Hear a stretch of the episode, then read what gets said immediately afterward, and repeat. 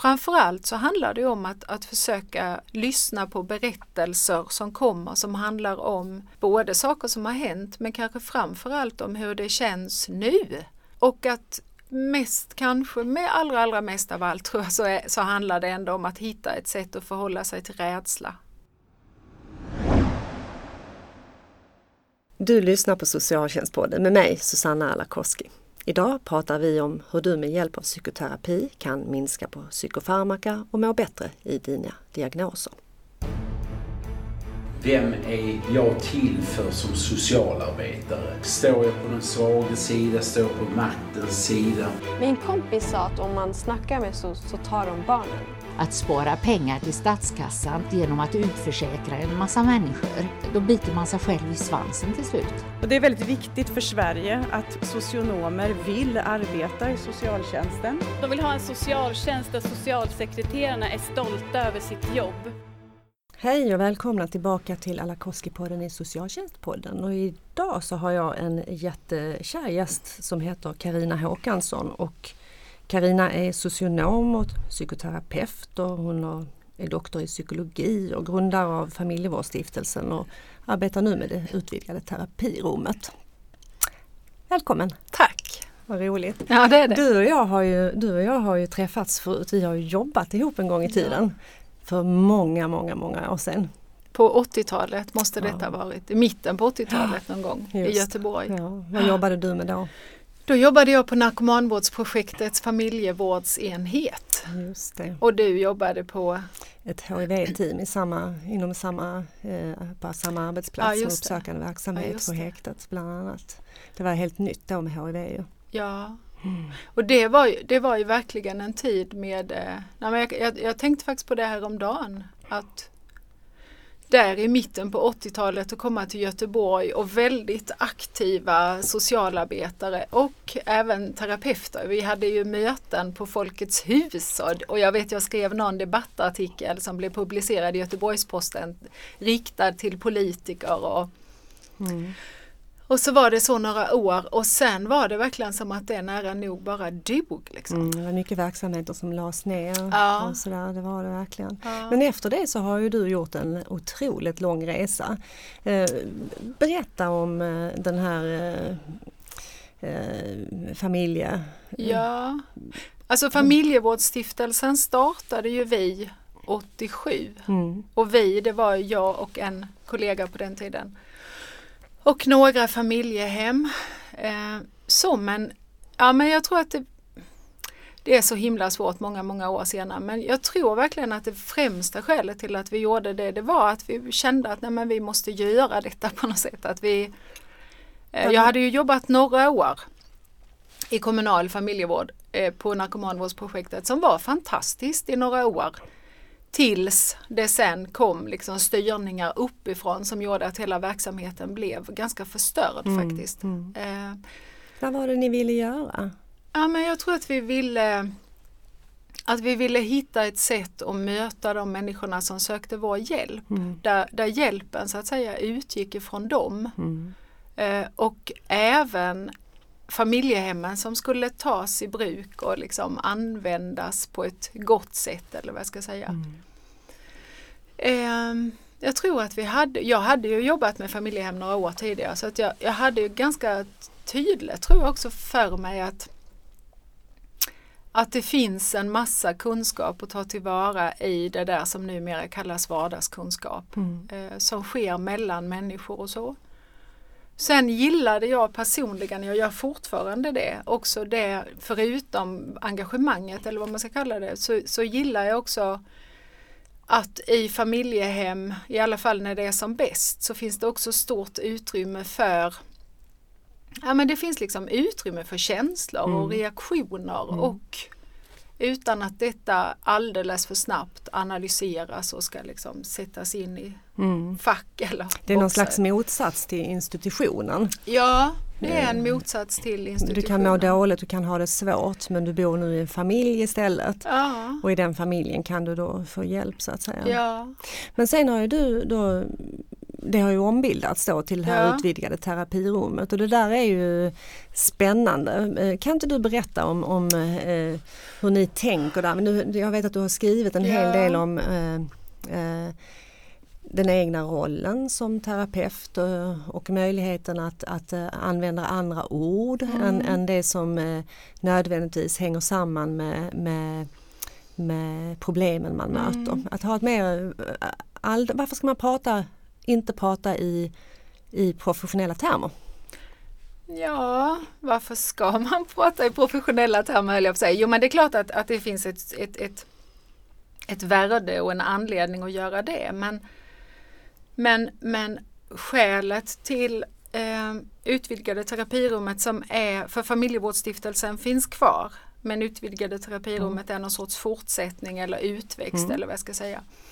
Ja men det, var, det är framför allt därför att vi som arbetar där och inte bara vi, för det finns ju ett behov och en längtan skulle jag vilja säga faktiskt hos, hos väldigt många människor eh, efter att ja, men det är som att inom, nu gör jag det oerhört förenklat, men att mycket begrepp, alltså ett språkbruk och en kultur inom den, om jag kallar det mer traditionella psykiatrin och även inom, tycker jag nog, allt mer också inom psykoterapin har på något sätt också kommit till att dominera väldigt mycket inom socialtjänst och skola. Och I den bemärkelsen att människor har blivit väldigt mycket Alltså klienter har blivit på något vis eh, reducerade till sedda genom någon ganska individualistisk lins på något sätt. Där faktiskt eh, vare sig politiska eller sociala eller ekonomiska eh, faktorer tas så mycket hänsyn till på något sätt. Så att, Jag har förstått det som att, att, eh, att du drivs av en tanke att, eh, att eh, eh, ungdomar till exempel som mår psykiskt illa, eh, de kan få en diagnos eh, och eh, de kan få förslaget då att de ska äta psykofarmaka. Men alla vill ju inte ha det. Nej. Man ser ju inte på sig själv som att jag har en diagnos Nej. alltid utan jag kanske ser på mig som att jag mår dåligt. ja, Eh, Och eh, där har ju du tankar kring det, att, att också människor med mindre pengar absolut. ska Ja. kunna i högre grad söka terapeutisk hjälp och bota sig det hållet. Ja, alltså det är ju absolut främsta, alltså det är väl visionen med vårt arbete. Sen vet jag inte om jag själv kommer att få uppleva det men, men att, att, att, eh, att även människor som, som, som du säger som inte har vare sig ekonomiska möjligheter men kanske heller inte kontaktmässiga Nej. möjligheter så att säga ska få tillgång till professionell hjälp. Så på det sättet är jag sannerligen inte emot professionell hjälp. Så att säga. Men att, att det också ska vara möjligt för, eh, ja men att det ska vara tillgängligt. Därför att för de människor, de allra flesta som jag möter är ju människor som inte har så mycket pengar eller nästan inga pengar alls. Mm. Vad är det för människor du möter? Vad berättar? Ja men det, det kan ju vara allt ifrån, höll jag på att säga, väldigt unga människor som du precis sa. Eh, som kommer oftast tillsammans med sina föräldrar. Mm. Men det kan också vara vuxna människor som, som har eh, varit inne i systemen i väldigt många Mm. år. Eh, Och varför kommer de till dig? ja, de kommer därför att de har hört att hos oss kan man komma utan att behöva utredas och diagnostiseras. Men också har man hört att det finns möjlighet att också få stöttning för människor som antingen inte vill börja med farmaka eller människor som också vill trappa ner. Är det många som Ja. inte vill det? Det är många. Alltså. Alltså, vad betyder många liksom, om man tänker i er verksamhet? Alltså, har du någon koll på? Alltså vår verksamhet är ju fortfarande så himla liten Mm. personalmässigt sett. Eh, men så att vi har ju inte möjlighet att träffa så himla många människor. Så det vi istället försöker göra är ju att, att arbeta mer, vad ska jag säga, folkbildningsmässigt eller, eller också eh, politiskt på det sättet att alltså vara var del av, av olika nätverk Mm. och på som, Synliggöra det behovet av att alla vill inte ha en diagnos. Ja, Mm. att prata om det och att eh, men, men det ringer ju människor till oss varje dag. Varje dag som Varje skulle dag. vilja. Ja, oh ja. som skulle vilja. Och, ja. och, och, och eh, Händer det någon gång att, att eh, människor som har en diagnos äter psykofarmaka blir av med sin diagnos och psykofarmakan? Eller bara psykofarmakan och inte diagnosen? det är väldigt, väldigt, väldigt svårt att bli av med sin diagnos. Jag träffade en gång en kvinna som hon är alkoholist.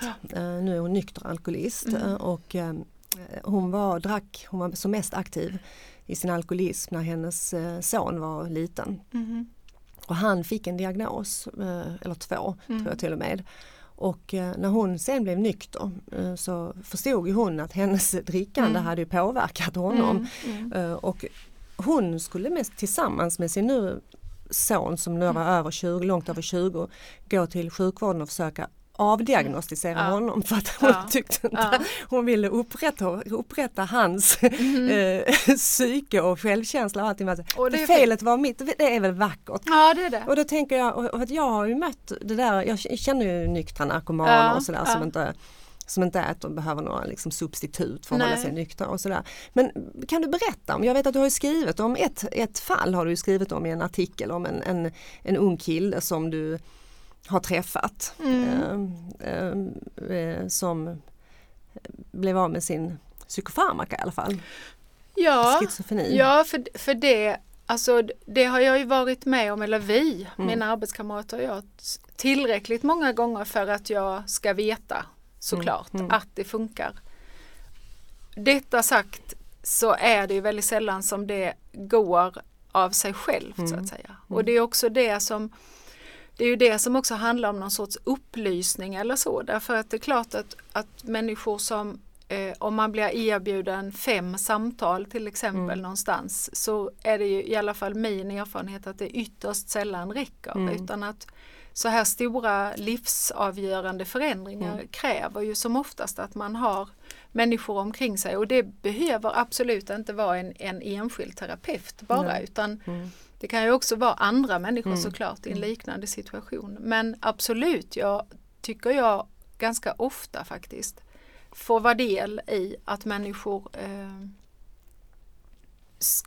kan sluta eller, eller trappa ner. Mm. Eh, jag, Hanna som jag arbetar med tillsammans med det är vi som liksom är kärntruppen eller vad jag ska säga och sen så har vi kollegor som jobbar deltid och vi har också hjälp lite med administration och annat men, men vi, vi sa senast i förra veckan tror jag det var för Hanna hade träffat en ny tjej igen att, att trots att vi vet det och trots att jag har varit med om det här så himla många gånger så varje gång jag träffar eller vi träffar en ny människa som kommer fullständigt nära nog faktiskt neddrogad av medicamenter så tänker jag det här kan inte vara sant. Alltså. Mm. För, för det det jag, jag tror Hur att ser de ut då när de är neddragna? Ja, det se hur, hur ser människor ut? Och, mm, som om människor själva beskriver Mm. att det är som om jag inte lever nästan. Mm. Jag känner mig helt eh, väck. Mm. Det är som att jag inte har förmåga att känna någonting. Mm. Jag, apropå mammor, jag träffade en mamma för inte så himla länge sedan eh, som, som beskrev eh, när hon liksom på riktigt kände att nej, men, så här kan inte jag ha det. Det var någonting som hade hänt med hennes barn, något djupt oroande och hon liksom bara insåg kognitivt eller vad jag ska säga, hon, någonstans kunde hon tänka i sitt huvud att det här borde jag vara väldigt orolig för men det fanns inte en, en känsla i Kopplad henne på något sätt. Det fanns inte Tanken. Ah, nej, det fanns inte någon, eh, någon koppling däremellan. Eh, sen har ju väldigt många människor också eh, Det finns ju också fysiska biverkningar såklart. Eh, viktuppgång och känsla av att man eh, inte kan andas riktigt eller att man är väldigt yr eller att man och, och det är klart att det där är ju, kan man ju aldrig helt säkert veta. Vad är hönan och vad är ägget i Mm, det så att mm. säga. Mm. Men det man kan veta och i alla fall de människor det gäller, det är ju att, att när de sedan kan jämföra med hur det känns när Mm. antalet medikamenter har minskat. Så Mm. kan man, och det, det får vi ju ändå Mm. utgå ifrån att det är sant så att Mm. säga. Hur, hur, vad kan du säga, eh, kan du berätta om något eh, sånt ärende, någon person som du har träffat som har haft diagnoser som har ätit mediciner som har blivit eh, så att säga befriad från det? Ja, dels så, kan- tänk, jag, dels så tänker jag på, ehm, på unga människor. En ung tjej som jag träffade. Gammal? Hur gammal? Ja, hon var väl kanske 20 års ålder när Mm. vi träffades. Eh, hade varit aktuell länge inom BUP. Hade många diagnoser. Eh, mycket psykofarmaka också. Inte någon neuroleptika, eller, alltså Mm. psykosmedicin Mm. eller så. Men, men eh, så kallat antidepressiv. Och, Vad var det för diagnoser, minns du det? Ja, hon hade haft ADHD-diagnos, hon hade haft ADD-diagnos och hon hade haft någon bipolär som ju ökar väldigt mycket, oroande mycket tycker Mm. jag. Alltså, eh, det där som när vi började jobba tillsammans du och jag, det var ju helt fullständigt uteslutet Mm. att även inom psykiatrin var det ju uteslutet att diagnostisera 14-åriga Mm. tjejer och killar som bipolära därför Mm. att man fortfarande visste på något Mm. sätt eller att inte minst ungdomstiden är väldigt Mm. upp och ner och Den är bipolär i sig. ja den är liksom bipolär i sig själv på något sätt. Eh, så att, men henne eh, följde jag, eh, träffade henne och träffade henne tillsammans med hennes familj. Var någon gång med och träffade på skolan där hon gick. Eh, och jag både träffade henne själv och ibland var Hanna och jag båda två. Eh, och, och, och liksom arbetet, eller vad jag ska säga, innebär ju dels att tala om, framförallt så handlar det om att, att försöka eh, lyssna på berättelser som kommer som handlar om både saker som har hänt men kanske framförallt om hur det känns nu. Mm. Eh, och att mest kanske, med allra allra mest av allt tror jag, så, är, så handlar det ändå om att hitta ett sätt att förhålla sig till rädsla. Mm. Eh, både hos, i det här fallet, den här unga tjejen eh, men också hos hennes föräldrar. Därför, Rädsla för, ja, därför att, alltså rädsla att, vad ska att, att hon ska bli dålig igen Mm. till exempel. Mm. Dålig, det vill säga deprimerad eller, eller, eh, eller är, kanske ännu mer med människor som har varit psykotiska. Mm. Att, och räd, det jag menar med rädslan är att, att eh, det finns ju en, en, en tendens på något sätt att man också överbetonar det som är, skulle jag vilja säga, fullständigt också naturliga känslor hos Mm. oss människor. Att vi är mm, rädda eller att vi är trötta eller att vi är, är Mm. oroliga eller en rad olika saker. Och under en nedtrappning av psykofarmaka så finns det ju så är det ju väldigt lätt att blanda samman på något sätt. Mm. Är det jag känner nu har det att göra med att jag håller på att trappa ner min medicin? Mm. Eh, eller, eller handlar det om någonting Mm. annat? Mm. Eh, Jag jobbade med en kille som bodde i ett familjehem. Eh, Han bodde, för alla som kommer till oss bor inte i familjehem utan Mm. de allra flesta bor ju kvar hemma eller, eller så. Men han bodde i ett familjehem, eh, kom till oss med just en schizofreni-diagnos, bodde ett år, lite drygt, nej lite knappt heter det, eh, hos en familj med djur på landet och så. Han var nära nog orörlig när han kom. Jag kan väldigt väl se honom framför mig faktiskt. Eh, hur han eh, ganska oförmögen beskrev han det också senare till att och, nej, men han kände sig liksom som om han inte var med på något sätt. Och jag minns väldigt väl en episod när han hade varit i familjehemmet i ja, kanske en månad eller någonting sånt. Och familjehemsmamman ringde mig på kvällen och sa att han var väldigt orolig och att hon ville att jag skulle prata en stund med honom.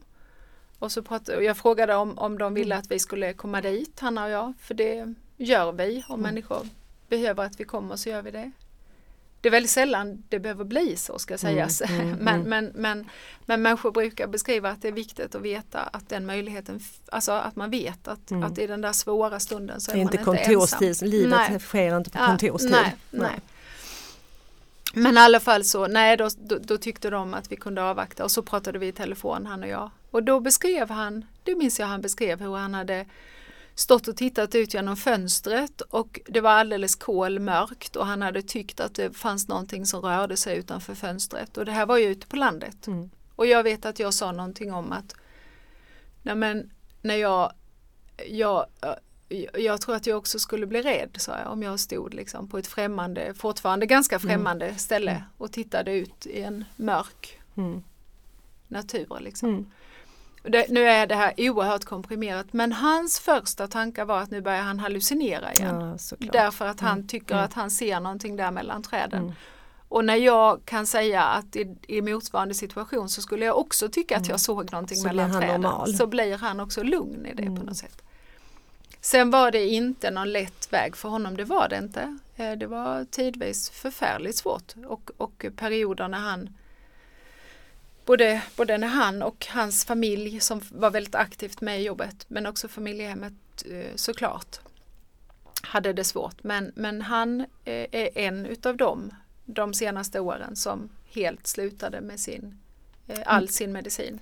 Med en diagnos som schizofreni, ja. det tror man ju inte det ska gå överhuvudtaget. Det har, man, det har jag nästan, det har jag aldrig hört faktiskt. Jo, det är fast, fantastiskt. Ja, för det finns, det finns ju i vårt stora numera mm. nätverk eh, mm. internationellt inte minst. Det, jag känner ju många mm. människor mm. som har haft mm. eh, schizofrenidiagnos och eh, ätit mycket psykofarmaka och som idag eh, inte lever det livet mm. överhuvudtaget mm. längre. Det är mina viktigaste skulle jag vilja säga. Alltså det är de tror jag som jag har med mig mm. i rummet och i mm. mötet med andra människor som, som, som jag kan ju aldrig lova en människa såklart att du kan bli bra eller jag, jag kan inte ens lova att jag kan hjälpa såklart. Det vet vi aldrig helt säkert men men det är en väldig, eh, vad heter det, Nej, men det är för mig tillit, tillit att ha med mig alla dem liksom, mm. i, i ryggen som, mm. som levande exempel. Mm. Jag tänker att eh, jag läste någonstans där du hade skrivit det här, jag tänker på det här med att att eh, vi idag är så hänvisade just till kontorstid mm. som att livet pågår bara de mm. timmarna mellan åtta och fem. Eh, att, att ni för samtal på promenader, bilar, mm i stall ja, på alla möjliga ja. ställen. Jag tyckte det var så fint ja. att, eh, att, att, att, ha det sättet att, att tänka och möta människor. Att, att, eh, jag tänkte på flummiga 70-talet som ja. man pratar om så säger de ju Jag var ju själv eh, klient på 70-talet när jag var utsatt som barn för mängder med sociala problem. Men på det flummiga 70-talet så hade socialsekreteraren tid att gå och fika med mig på mm. arbetstid. Mm. Det var ju en sån, eh, så flummigt var det. Mm. mm. Så flummiga är vi också. Så, så flummiga är ni också. jag, tänkte, jag har ofta tänkt på det, betydelsen av det, den ja. situationen, att det var någon som gick iväg och fika med mig. Vi drack kaffe och hon frågade mig jag har skrivit om det här. Ja. Hon frågade mig om, hon sa så här, vad vill du bli? sa hon. Ja. Vad vill du bli? Och jag hade aldrig fått den frågan i hela Nej. mitt liv, som att jag kunde bli någonting. Mm. Uh, och sen dess har jag älskat det flummiga sättet att se på människor, mm. om nu det är flummigt. Ja. jag tänkte på det när jag läste det där du skrev, jag tänkte varför fint för den killen att ha ett samtal i ett stall till exempel. Ja. Jo men det är ju det jag har lärt mm. mig eh, genom alla årens arbete självklart med, med det jag nu kallar klienter men, men också med familjehem. Mm. Eh, eftersom det så många gånger faktiskt har varit så att familjehem har vad ska jag säga, nej men att tiden i ett familjehem med förstärkning utav oss professionella människor som finns omkring har ju för väldigt många människor inneburit en, en möjlighet till en förändring som mm. faktiskt inte har mm. funnits mm. tidigare. Och jag tror inte att det handlar, jag tror verkligen, för ibland så pratar man så här, ja men de är så fantastiska familjehemmen och de är så varma och de är så kloka, de är så, ja det, det är många, men det är ju vi socialarbetare och terapeuter mm. också tycker mm. jag. Men det som kanske är den stora skillnaden är precis det du säger mm. nu, att det, den tillgängligheten, mm. återigen tillgängligheten. Att människor finns där så att mm. säga och mm. att man också eh, Nej men jag kan, för du pratar om dig själv, jag kan prata också om mig själv i det att i, situationer i mitt liv som har varit riktigt svåra så att säga. Det har ju, då har ju det faktiskt inte ens varit möjligt nästan att sitta ner och Nej. prata med en människa utan det har Nej. ju behövt ske på något annat sätt. Ja. Liksom. I flykten Mm. eller Mm. alltså jag menar i förbifarten heter det. Inte. Ungefär som att bli kär, att det, det, det Ja. kan man ju inte gå på en, en dans och bli det nödvändigtvis utan det kan ju hända ett kafferum. Ju. Ja, Det där vet man ju ja. inte när, när räddningen Nej. kommer så att säga, eller kärleken eller, eller sådär va. Eh, när det kommer. Ja. Nej, Men eh, hur, mm. hur de här eh, eh, människorna då som eh, ni möter har det aldrig hänt att de också har blivit avdiagnostiserade? Det, där, dithän har ni inte kommit eller? Nej, alltså det är ju väldigt, väldigt svårt. Mm. Varför är det Eh, svårt? Ja, men jag, jag, det tror jag har med sjukvårdslagen att göra Mm. faktiskt. Att om man har fått, jag, jag känner ju människor som har, jag känner människor och vet människor som har stridit, som de själva kallar det, i flera Mm, år mm. för att bli av med. Men det är väl någonting med att det finns i pappren och det kan Mm. man liksom inte bara göra sig Mm. av med. Men om man kan testa på någonting, kan man inte testa av Jo, någonting? det kan man tycka. Och, av, av, och nu måste jag passa på att säga det Mm. då att i, av samma anledning så har vi startade ju här alldeles förra hösten ett, ett internationellt institut eh, som ska verka för att, att dels samla kunskap och Mm. erfarenheter men också sprida de här erfarenheterna och kunskaperna just vad, vad gäller hur kan man hjälpa människor som vill trappa ner på sin psykofarmaka. Mm. För precis som du säger, det, det finns ju en oerhörd, väldigt många som skriver ut men det finns skrämmande väldigt Mm. lite möjligheter att få hjälp när man faktiskt vill trappa ner. Trappa ner. Det här internationella, ja, det var min eh, nästa tråd här. Eh, Du var initiativtagare till en eh, konferens Ja. förra året. Ja, Och när man, det ligger ju på Youtube Ja. så att man kan lyssna på din föreläsning där. Mm. Och du inleder med att säga att du, och tacka alla som har kommit från hela världen. Mhm. Vilka länder var där? Alltså hur, du tar initiativ, berätta om det initiativet och vilka som, som kom.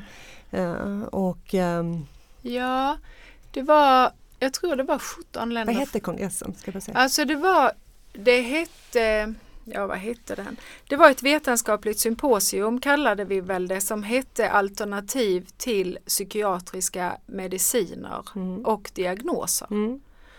Eh, och det var talare ifrån olika länder men framförallt så var det ju människor som också var med liksom, och deltog Mm. under dagen och Mm. kvällen innan.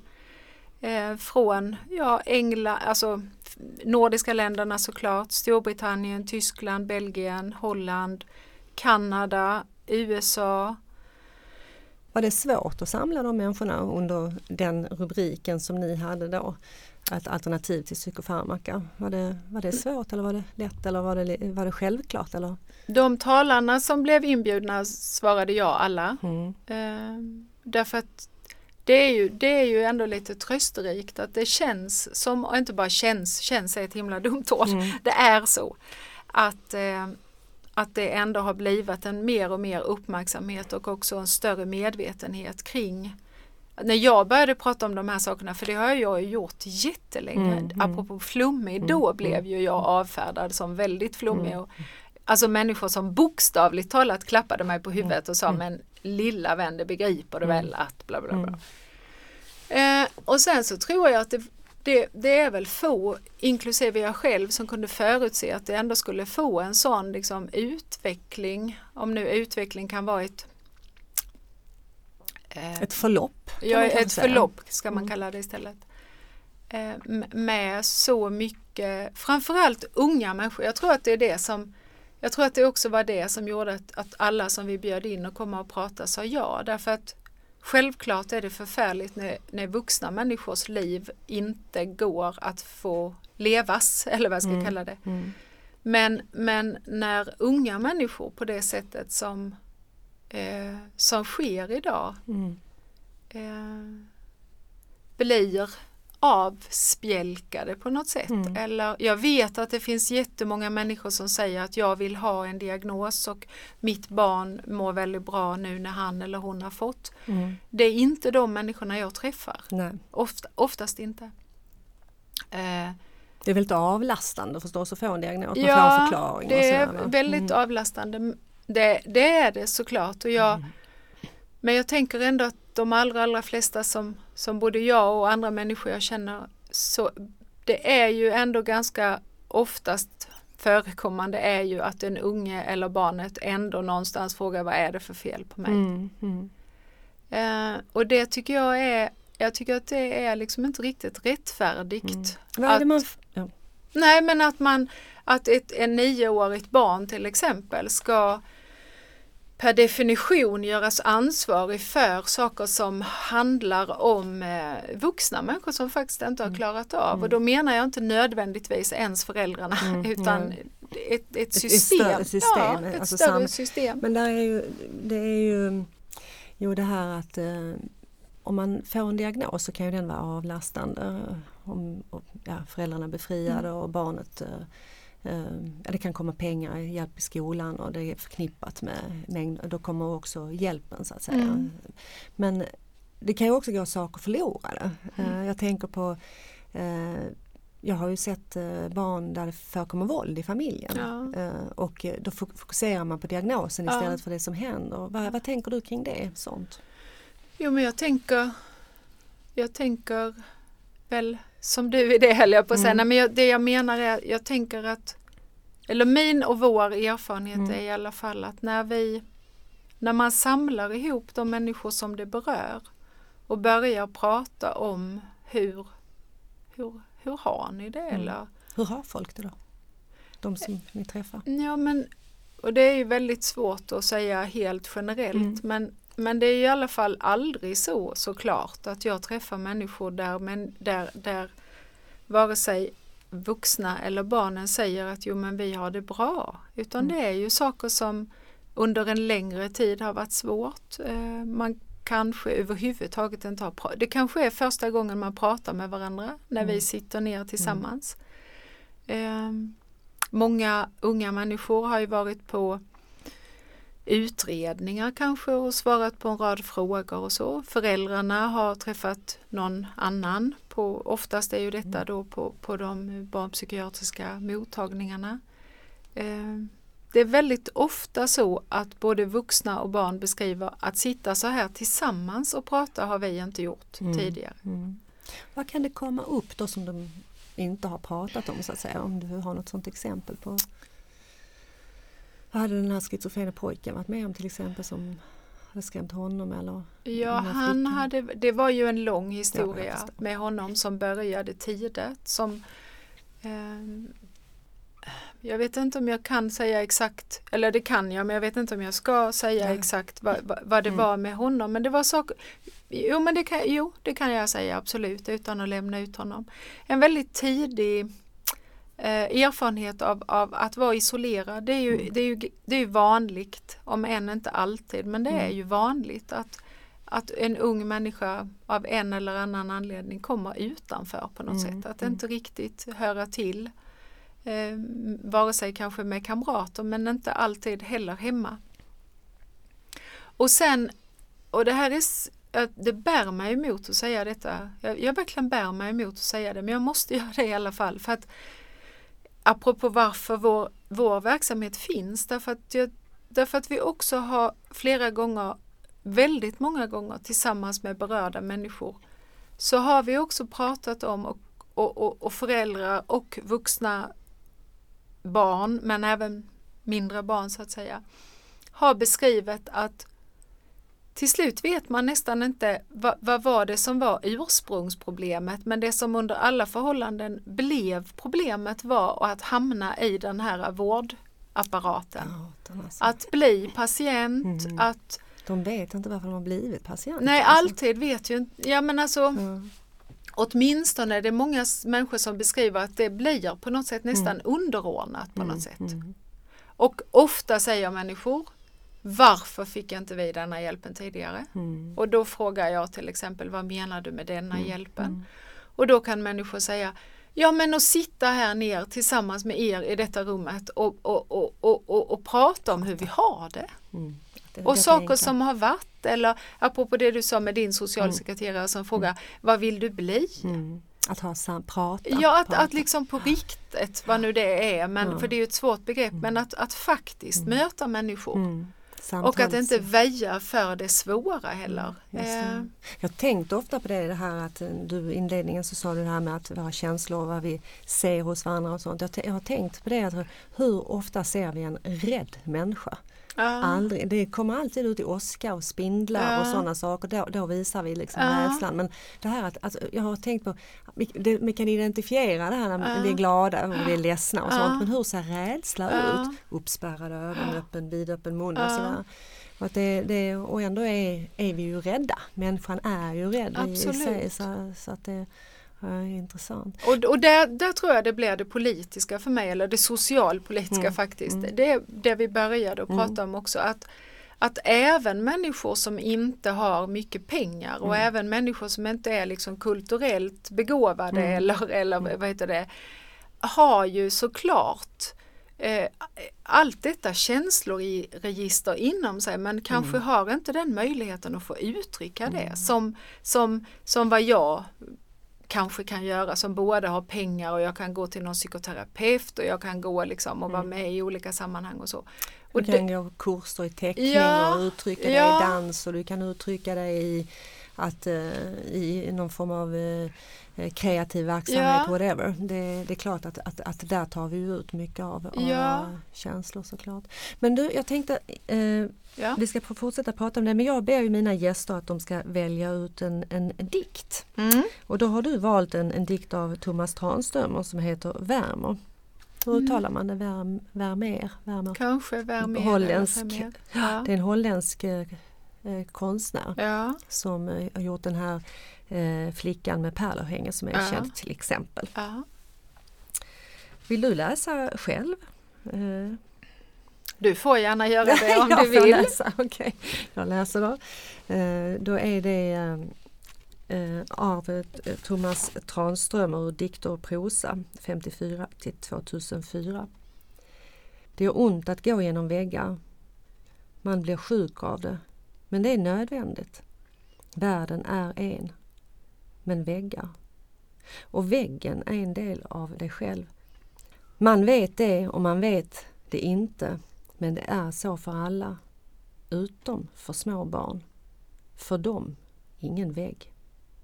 Den klara himlen har ställt sig på lut mot väggen. Den är som en bön i det tomma och det tomma vänder sitt ansikte till oss och viskar. Jag är inte tom. Jag är öppen. Varför tycker du så mycket om den dikten? Jag vet inte riktigt. Jag tycker att den liksom säger nästan allt på något Mm. sätt. Ehm, Tycker de... jag tycker den är vacker. Alltså bara den är vacker att lyssna på. Jag, tyckte det, jag tänkte på det nu när jag satt och lyssnade på dig. Jag tycker väldigt mycket om det här på slutet med att gå igenom väggar.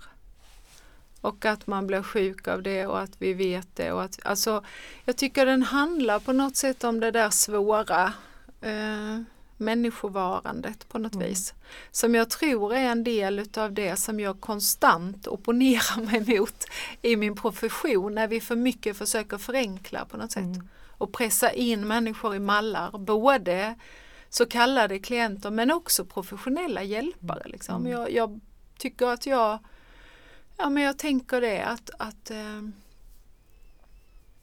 de här, ä, alltså även vi som arbetar eh, det är så lätt på något vis att gömma sig också bakom jag är socionom och jag är psykoterapeut och jag är och så tänker jag men vad betyder det då? Vad är det? Och vem är jag? Och, Du talar ju mycket om det här att man ska eh, använda sin vardags, eh, sin livserfarenhet och vardagserfarenhet i professionen Ja, för att kunna möta människor som ni är satta att möta så att säga. Professionen är satt att möta. Ja men det, alltså, jag, och det gör jag därför att det är det som är min evidens så att säga. Eh, jag- efter 30 års arbete nu att det, att det är det som människor gång på gång på gång uttrycker. Att det fanns något som var läkande i det och att det fanns något viktigt i det. Och jag tänker egentligen vet vi ju det, inte minst genom litteraturen. Mm. Jag menar, Mm. kolla dina egna böcker till exempel. Du, är ju om någon väldigt eh,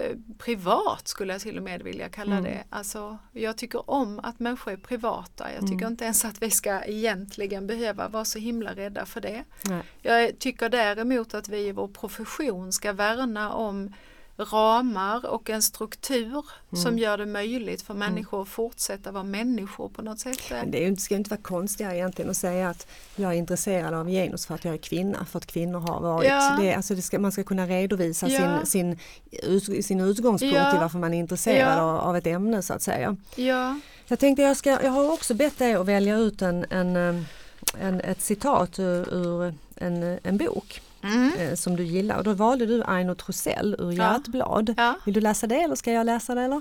Då ska du få den där. Livet är en brokig väv och finnes bara hjältar skulle inga färger längre finnas. Och hade inte historierna funnits skulle Hulda vara fattigast av alla. Är tiden verkligen en linje? Är den inte snarare en lök som blir allt större? Att hon har haft den ofattbara turen att hamna överst, utan det som finnes inunder, kan hon dock lätt fara fram med vinden. Att vara en liten del av en växande obegriplig helhet är svindlande. Livet började inte när hon föddes och det slutar inte när hon dör. Och en gång skall hon vara en av alla dem som gick före. Hmm. Mm. Ja, vad betyder det för dig när du Nej men den betyder, jag vet när jag läste den i hennes bok eh, och när jag läste de raderna så var det verkligen bara sådär doink liksom. Ehm, dels, ja men dels så på något sätt påminnas om sin plats eh, som en. Eh, jag, ble, jag, jag började nästan gråta nu när jag läste den för att jag började tänka på min mormor som föddes som en eh, jättefattig statarunge i början på 20-talet. Ehm, och så tänker jag på att jag sitter här och pratar med dig nu och du säger Carina är doktor i psykologi och sådär. Alltså liksom, ja, men jag Ja, bara tänker sådär, ja den där löken också på något sätt. Och, och, för det var, alltså om någon hade sagt till min mormor när hon var barn att, att hennes barnbarn liksom skulle få se så mycket av världen och, och, och, och lära sig engelska. Och, ja, du vet sådana saker. Så skulle hon inte ha trott att det var sant. Liksom. Det är så här, jag har precis jag har träffat Hans Svärd som vi har pratat om det här med sociala reformer och, och, så. Det är mycket som har blivit möjligt Ja. i detta land genom sociala reformer, Ja. till min studielån och annat sånt. Det, Ja. är, det är en jättevacker bild, äh, verkligen. Hon kunde engelska och allting. Ja, för det sa hon Alltså, alltid. Och du, och du, du anar inte vad rik du är, så hon, Mm. sa, brukade hon säga, för att jag kunde engelska. Mm. Eh, och samtidigt så tänker jag att jag menar, och att det också är det vi, vi vi- jag tänker att, att vi ska försöka värna, liksom, att, att det ska vara möjligt också för andra människor. Liksom. Mm. Det är ju högaktuellt idag, inte minst. All, för andra människor kanske är alla människor. Alla människor. Ja. att, att, ja. att det ska vara möjligt att, att förflytta sig från en annan till en annan plats än den Ja. predestinerade Ja. utifrån din livssituation, Ja. hur den ser ut som liten. Det är en väldigt, väldigt fin tanke som har som drivkraft i, i ett Ja. jobb och sådär. Men det här nätverket nu som ni har skapat som spänner över Mm. hela världen, kan man gå med i det? Ja, man kan i alla fall kontakta oss på, vår Mm. På vårt arbete för vi har, alltså som sagt vi är ju ännu på vårt kontor på Mm. Järntorget i Göteborg. Vi är väldigt få människor. Eh, men vi har kontakt med väldigt mycket Mm. människor så det kan man absolut. Vi, har, vi ordnar ganska ofta saker och vi är, tycker jag, bra på att connecta folk. Det Mm. har jag, fick, har jag fått lärt mig i mitt arbete ganska tidigt, Mm. inte minst av Tom Andersen som ju är en av mina stora eh, förebilder som var eh, Tom Andersen, Tom Andersen Nordnorge. i Nordnorge. Ja. Mm. Som eh, verkligen lärde mig lär- betydelsen av att, connect, alltså att, att sammanföra Mm. människor med Mm. varandra och både Nätverka Ja. som det heter. ja, Det är ja, det- man tänker ju sig att de flesta är intresserade av att gå med i nätverk som stärker eh, Mm. eh, diagnostänkandet och psykofarmakan men ni jobbar tvärtom. Ja, ni jobbar med ett nätverk och erbjuder ett nätverk för de som kanske känner sig lite frågande Ja. och, och kritiska och har andra erfarenheter av de som är, som är mest allmängiltiga just idag. Det är ju Ja. väldigt fint.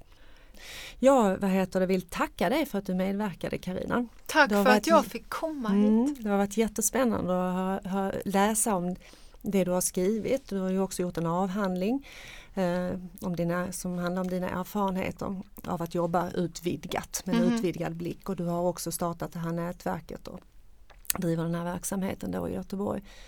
Jättespännande efter alla dessa år att Ja. återse dig Ja, i den här nya rollen. Ja.